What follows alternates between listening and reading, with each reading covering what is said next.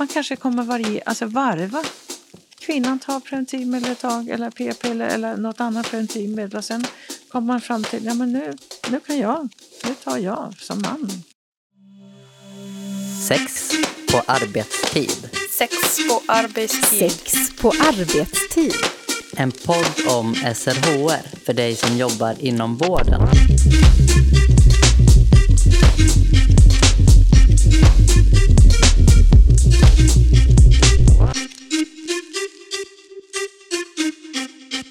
Många år har vi med jämna mellanrum hört att snart har vi ett hormonellt preventivmedel för cismän.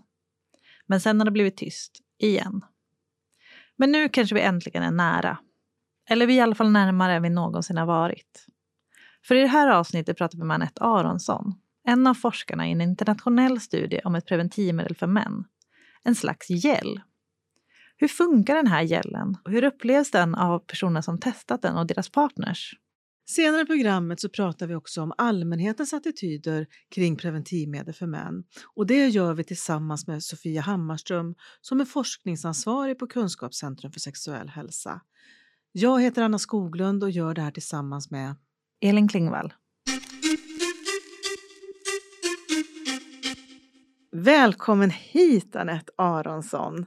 Vi är jätteglada att du är med i Sex på arbetstid idag. Du jobbar ju som gynekolog, överläkare och en av forskarna på WHO Center eh, på Karolinska Solna. Eh, och idag ska vi prata om hormonella preventivmedel för cismän. Hur nära är vi i tiden? När, när får vi se det på marknaden? Jag ska först säga tack för att jag får vara med här idag. Jag tycker det är väldigt trevligt och väldigt spännande. När jag läste medicin, vilket är många år sedan, då sa man om fem år. Eh, det här är svårt. Det kommer att ta minst fem år till tills vi har ett, ett manligt preventivmedel på marknaden. Och det som vi ska prata om, och lite grann därför att jag är här idag, eh, det handlar om ett manligt preventivmedel, eh, en gel, som mannen tar dagligen för att minska spermieproduktionen. Den, det läkemedlet, den gelen, det är det som har kommit längst av alla studier som handlar om manligt hormonellt preventivmedel. Det här är ju en eh, internationell studie, ett internationellt forskningsarbete som pågår. Kan du berätta lite mer om det? Ja, det är, um, det är NIH i USA som har startat det här med medel från Population Council.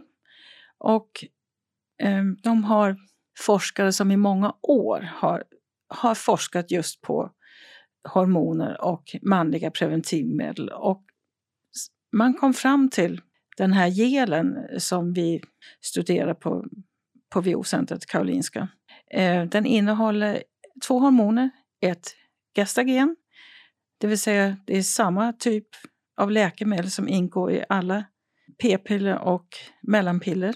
Och så innehåller det också ett testosteron. För det är så här, det här den här gelen, gestagenet, gör att mannens spermieproduktion minskar. Och det minskar också testosteronproduktionen. Därför så lägger man till testosteron i gelen. För att inte mannen ska bli ledsen, deprimerad och inte vilja ha sex. I vilka länder pågår den här studien? Alltså det är förstås USA och det är den har pågått i Italien, eh, Chile, Kenya, UK, Sverige. Det, det, är de länderna. Och den här gelen, vart, hur appliceras den?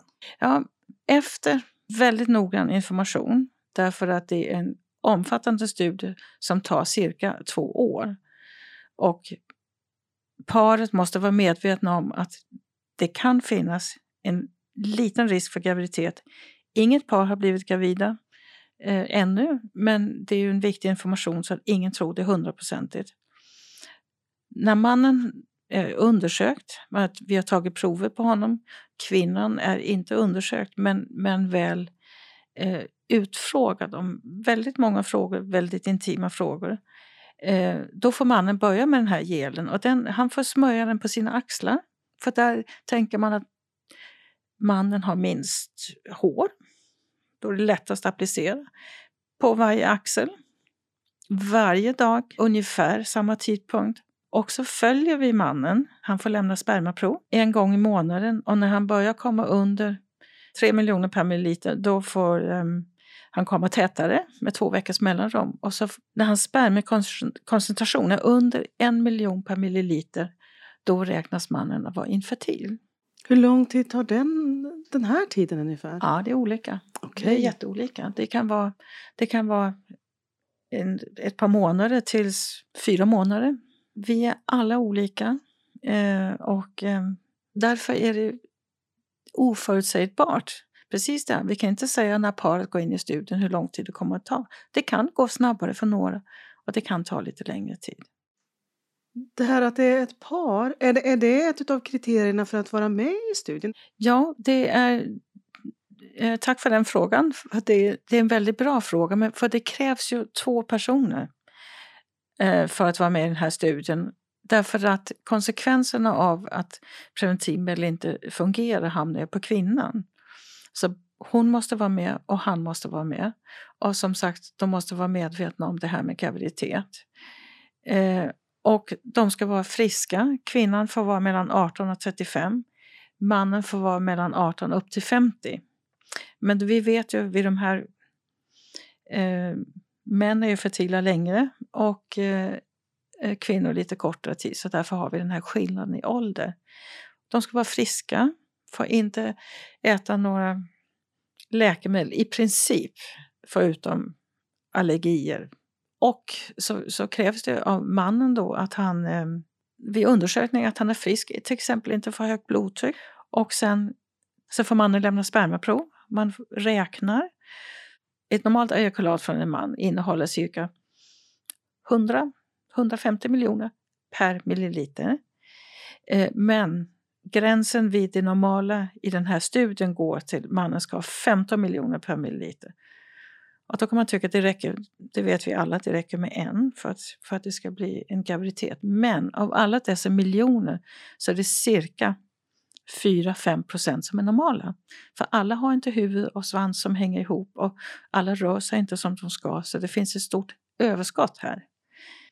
Och, och så händer det ju att vi ser eh, prover, spermaprov, att ja, det är, det är för dåligt från början. Eh, tyvärr, du kan inte vara med. Det är ingen rolig information att varken ge eller få.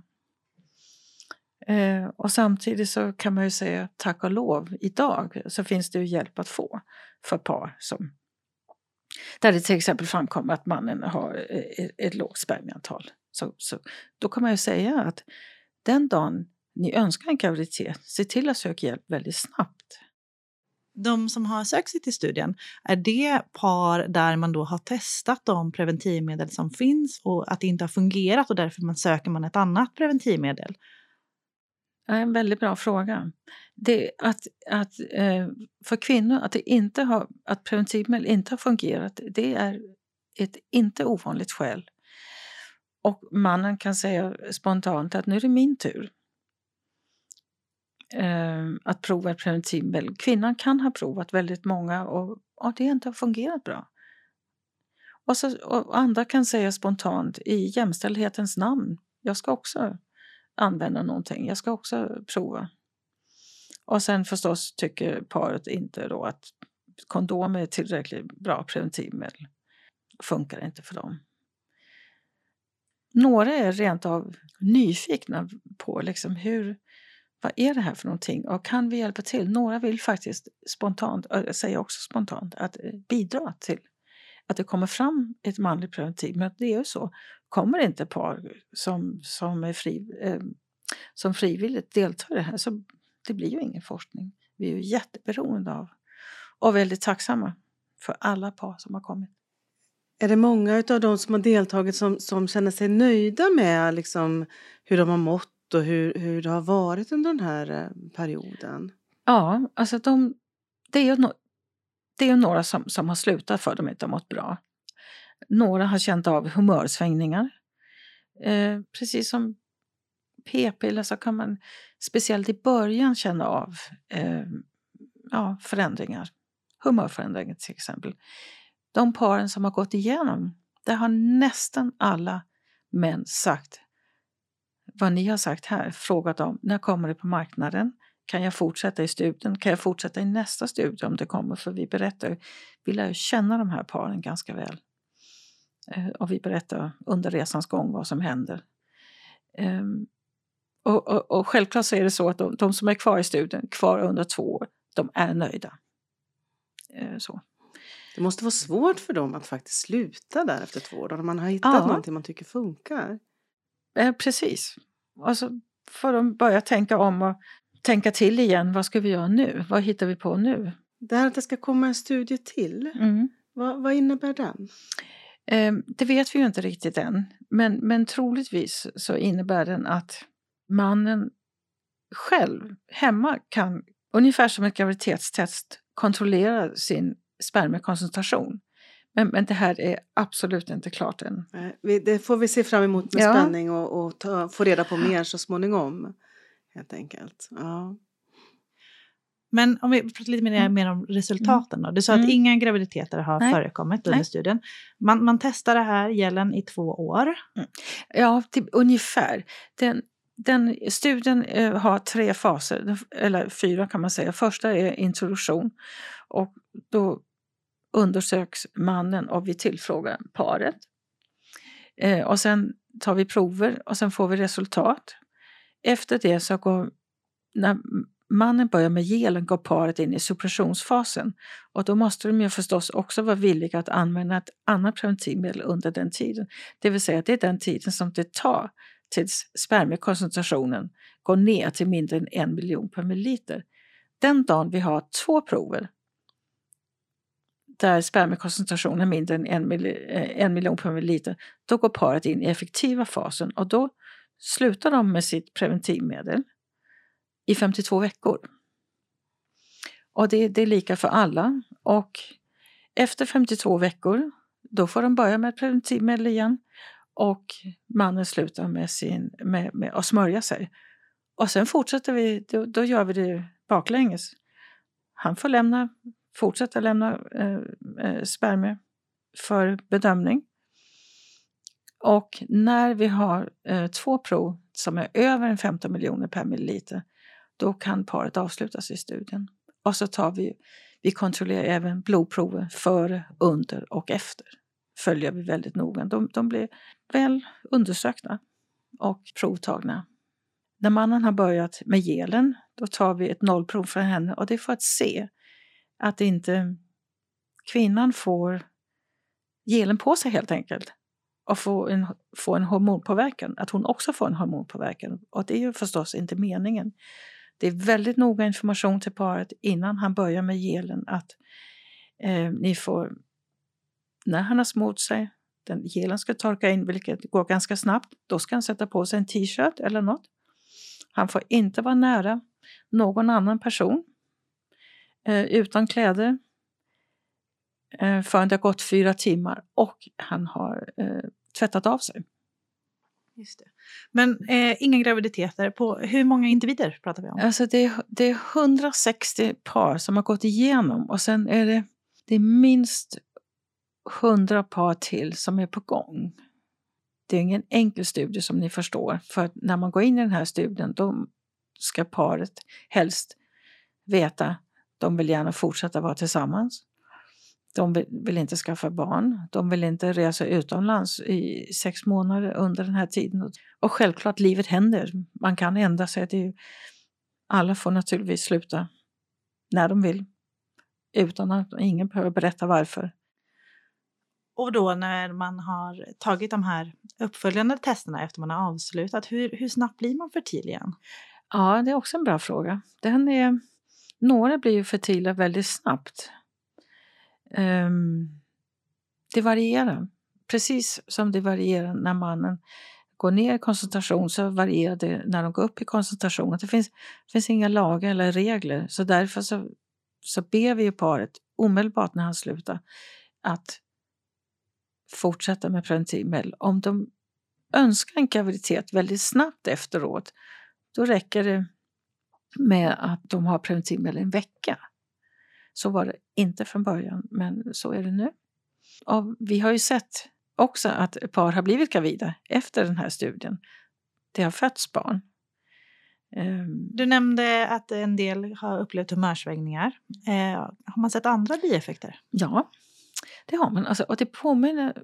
Ja, det kan vara eh, viktökning.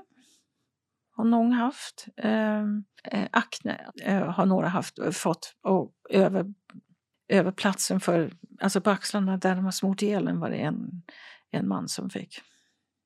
Testiklarna minskar. Det är en klar effekt av att testosteronproduktionen minskar. Eh, och det är också en viktig information. Eh, så att inte männen börjar undra vad är det som händer.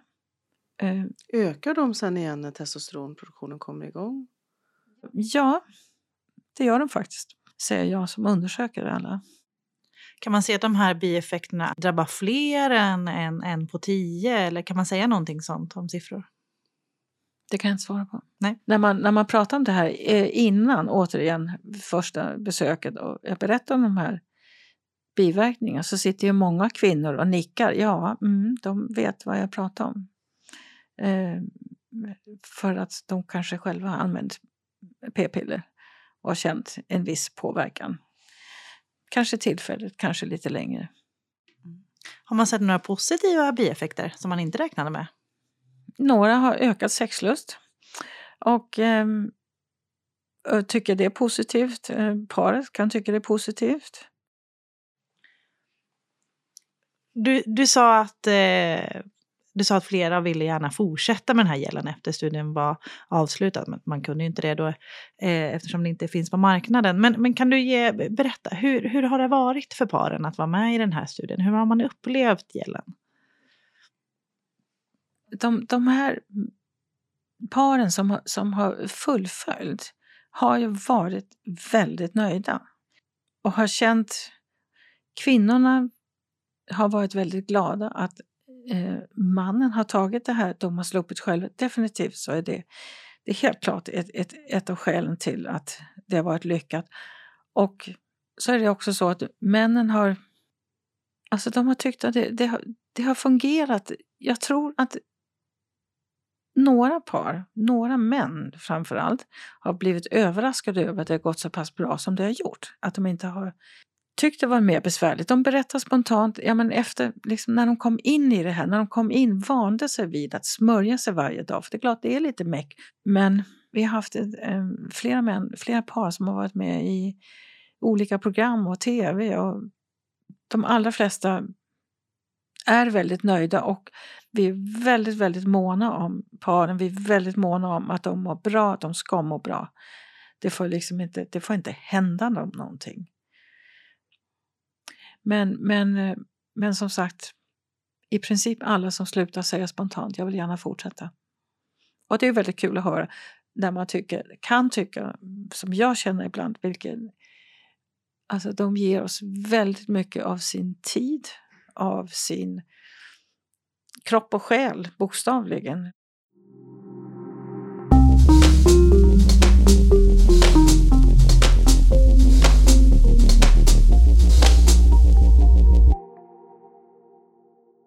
Det finns ju väldigt mycket normer som omgärdar sex och också ansvar kring preventivmedel. Eh, Jag kan tänka mig att många, många cis-kvinnor upplever äntligen eh, så kanske vi närmar oss att det finns preventivmedel för, för män där, så att män kan ta mer ansvar. Och samtidigt så kan man väl tänka sig att eh, många också kommer känna att man inte kommer kunna lita på eh, att den här gelen används. Eh, vad, vad tänker du kring det? Alltså det, det är naturligtvis en jättebra fråga. Eh, och det har ju, man har ju gjort studier eh, i USA, har de ju frågat män och kvinnor, eh, kommer du att lita på din partner? Att din partner använder sitt preventivmedel? Och det, de flesta gör det. Men då är det också så här att de som svarar på de här frågorna, det är ju ofta par i stabila förhållanden. Jag tänker, alltså, precis som p-piller inte är för varenda kvinna så kommer det här naturligtvis inte att vara för varenda man heller. Jag tror det, det kräver stabila relationer, precis det här. För par som träffas och har sex um, om han säger att jag använder gel, kanske inte kvinnan riktigt är med på det eller tror på det. Eller säger att vi kan väl använda kondom i alla fall. Jag tänker mig att det, det är par i stabila relationer som mannen kommer att använda det här och man kanske kommer varje, alltså varva. Kvinnan tar preventivmedel ett tag eller p-piller eller något annat preventivmedel och sen kommer man fram till ja men nu, nu kan jag, nu tar jag som man ett preventivmedel. Och, eh, och så kan man fortsätta på den vägen. Vad tror du att vi kommer se för andra eh, preventivmedel för män i framtiden? Ja, en bra fråga.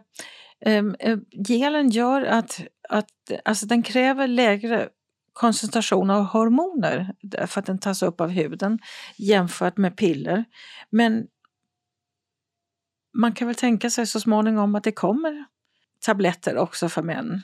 Sen finns det ju det finns studier som handlar om man, man kan sätta ja, någon sorts plugg i sädesledaren. Det är inte ute på marknaden, det är inte klart, men sånt, sånt finns. Alltså det är ju så här, det, det, det, är svår, det är mycket svårare. Det finns ju ett skäl till att det är kvinnliga preventivmedel, att det var p-piller kom först för kvinnor. För att, att hämma en ägglossning per månad det är bra mycket enklare än att minska den här enorma spermieproduktionen som pågår varje dag. Det är mer komplicerat. Eh, vilket naturligtvis är en bidragande faktor. Läkemedelsföretagen eh, har, har, står inte i kö för att eh, ta fram preventivmedel för män. För det är ju, som ni förstår, det är ju stora studier. Det, det kräver stora studier, det kräver jättemycket pengar. Om man tänker att det skulle på sikt också generera mycket pengar. Vi, vi pratar ju ändå om typ halva världens befolkning. Det, det, är många som, som skulle kunna bli aktuella för den här typen av läkemedel. Absolut, men det, där kanske fördomarna kommer in. Det är många som tror att det där kommer mannen aldrig att använda. Vilket är helt fel, naturligtvis. Man skulle snarare kunna tänka sig att det är många som längtar efter ett sånt preventivmedel där man Ja, själv kan ta ansvar för att det inte blir en graviditet. Ja, och, och så är det ju en del män som har uttryckt det, precis det du säger nu. Det känns bra för mig att eh, veta och att göra och att kunna säga, att kunna använda, att känna mig säker. Eh, Jag kommer inte göra en kvinna gravid när jag inte önskar det. Jag tror det är en jätteviktig aspekt. Så vad behövs nu eh, för att den här gelen ska komma ut på marknaden? Den här första studien måste bli klar. Vi måste ha eh, ytterligare studier. Och sen måste FDA i USA, deras läkemedelsverk så att säga, godkänna den. Sen måste svenska läkemedelsverket godkänna den innan den kommer ut på marknaden. Eh, Det måste finnas ett företag som vill producera gelen. Eh, Och vad tror du då? Tror du vi kommer se den här gelen inom tio år? Det tror jag faktiskt. Jag tror det. Jag, eh, jag är självklart oerhört partisk för jag har jobbat med den länge nu. Men jag tror det. Och eftersom det inte finns det finns inget annat manligt eh, preventivmedel som inte är kondom, som är reversibel, som har kommit så här långt som, det här. Så därför, jag, jag tror verkligen vi kommer att, eh, det kommer att vinna eh, i slutändan. Fantastiskt. Det hoppas vi på. Tusen tack Anette.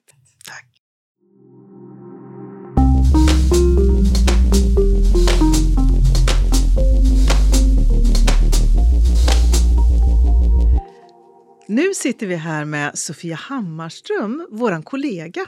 Välkommen Sofia! Tack. Du är ju forskningsansvarig här på Kunskapscentrum för sexuell hälsa och vi tänkte att vi skulle prata lite med dig om attityder och föreställningar kring hormonella preventivmedel för ja, kanske förmodade cismän här egentligen. Mm. Mm. Mm. Så vad vet vi egentligen? Vad finns det för forskning eh, om hormonella preventivmedel för män? Ja, jag tänkte att jag skulle börja med att bara säga att jag, det här är inte mitt eh, område, mitt forskningsområde. Så att jag har ju gjort eh, sökning, databassökning och jag hittade en eh, ny litteraturöversikt från 2021 som har tittat just på mäns och även kvinnors attityder till eh, nya preventivmedel för män. Så då, då begränsar de egentligen inte sig till just hormonella utan det, det skulle kunna vara andra former av eh, preventivmedel. Men eh, vad vet man? Ja, i den här studien så har de kollat på forskning sedan 60 år tillbaks i tiden eh, och de hittade 35 stycken studier. Ja, och de är ganska entydiga eh, om att man både män och kvinnor är positiva till nya eh, preventivmedel för män, att det behövs generellt sett. så att säga. Är det någonting som är överraskande, tänker du? Det låter som liksom gemene man, eller att det finns en föreställning om att det skulle finnas en motvilja. Mm. Och det tar författarna upp i den här eh, översikten också, att det finns en medial bild kring att eh, män inte skulle vara beredda att stå ut med biverkningar så som kvinnor eh, gör idag med hormonella preventivmedel och att eh, kvinnorna kanske inte skulle lita på männen, eh, att de tog dem och så vidare. Så att eh, jag tror författarna ser, tycker det är väldigt viktigt att man har sammanställt den här forskningen nu så att det finns tydligt svart på vitt att det här är inte ett hinder för att ta fram nya medel eller läkemedel. Det finns en marknad för sådana här preparat. Vad har man sett i, här, i den här forskningen som är gjord, vad det är som påverkar inställningen eh, till preventivmedlen? Mm, de kvalitativa studierna som ingår eh, så har man sammanställt dem då eh, och så ser man att det finns två olika teman kan man säga. Vissa faktorer som eh, har med användaren att göra eh, och vissa faktorer som har med det här preventivmedlet att göra som kan påverka då ens attityd. Och eh, de faktorerna då som har med användaren att göra, då är det en sån sak som till exempel eh, hur viktigt det är med jämställdhet för personen. Ehm, och där mm, informanten eller deltagarna pratar om viljan att dela på ansvaret, att dela på bördan som kvinnan i det här fallet då har haft under lång tid. Det kanske är ens partner kanske har haft problem med biverkningar från sina hormonella preventivmedel och att man vill liksom avlasta den biten. Eh, sen pratar man om andra saker, till exempel relationstyp kan avgöra. Att man i intervjuerna har deltagarna diskuterat om det här, ett hormonellt preventivmedel kanske skulle vara mer lämpligt i, i långa relationer eller stabila relationer. Man kanske inte eh, skulle vara lika lämpligt i kortvariga eftersom det inte finns samma STI-skydd till exempel. Och en annan sak som de tar upp också är det här med Eh, att det skulle bidra till en annan frihet, att inte behöva oroa sig för om man blir oönskad förälder, att ha kontroll över, över det på ett annat sätt. Eh, och också, som jag tyckte var fint, eh, att den här friheten kanske också skulle leda till mer intimitet och eh, närhet i relationen, eh, hade man förhoppningar om. Vilka faktorer spelar in när det handlar om, om själva preventivmedlet? Mm. Ja, men då var det ju saker som eh, biverkningar. Eh, och då kunde det ju vara både negativa men man har ju också sett att det kunde ha positiva biverkningar på sexlust till exempel. Och där kunde man ju se att lättare negativa biverkningar som hud, hudförändringar till exempel eller viktökning eller så, det var, det var man ganska okej okay med om, om det i övrigt var ett säkert och bra preventivmedel och ännu mer om det dessutom var positiva biverkningar, då kan det vara okej med lite negativa biverkningar. Um, men annars så var det ju just det här med hur säkert det var. Och också de långsiktiga effekterna då. Finns det någon risk att det kan leda till cancer eller någonting sånt? Och är det reversibelt? Alltså, har, behåller jag min fertilitet om jag eh, vill ha barn i framtiden och, och så. Så helt rimliga frågeställningar kan man tänka när man ska använda ett Absolut. läkemedel. Absolut. Men vad tänker man, vad behöver man göra framåt när det eh, handlar om forskningen? Eh, ja, men det som man ser saknas eh, är inte fler studier om män och kvinnors attityder då som de säger, för det, det finns tillräckligt nu.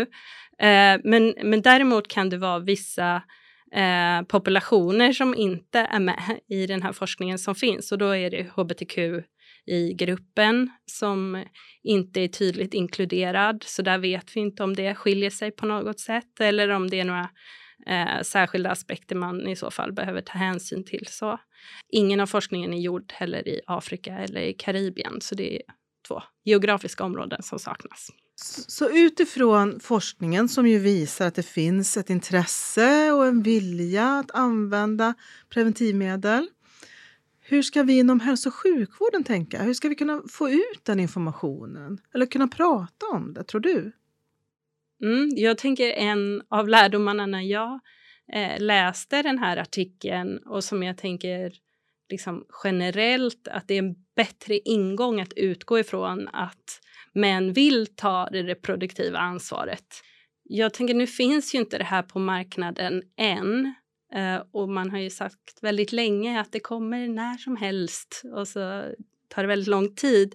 Men jag tänker att man redan nu kan vara noga med att involvera partnern i de reproduktiva besluten och i ansvaret för eh, reproduktionen och så. Att redan nu vara tydlig med att båda har ett ansvar och en roll och utgå från att alla vill vara med också.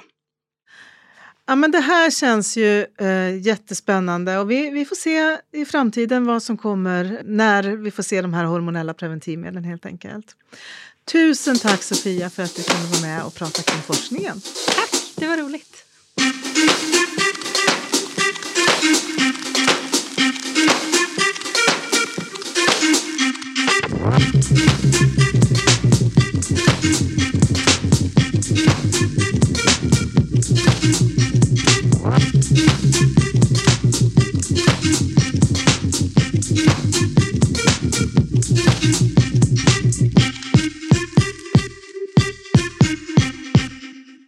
Du har hört Sex på arbetstid, en podd som görs av Kunskapscentrum för sexuell hälsa, en del av Västra Götalandsregionen.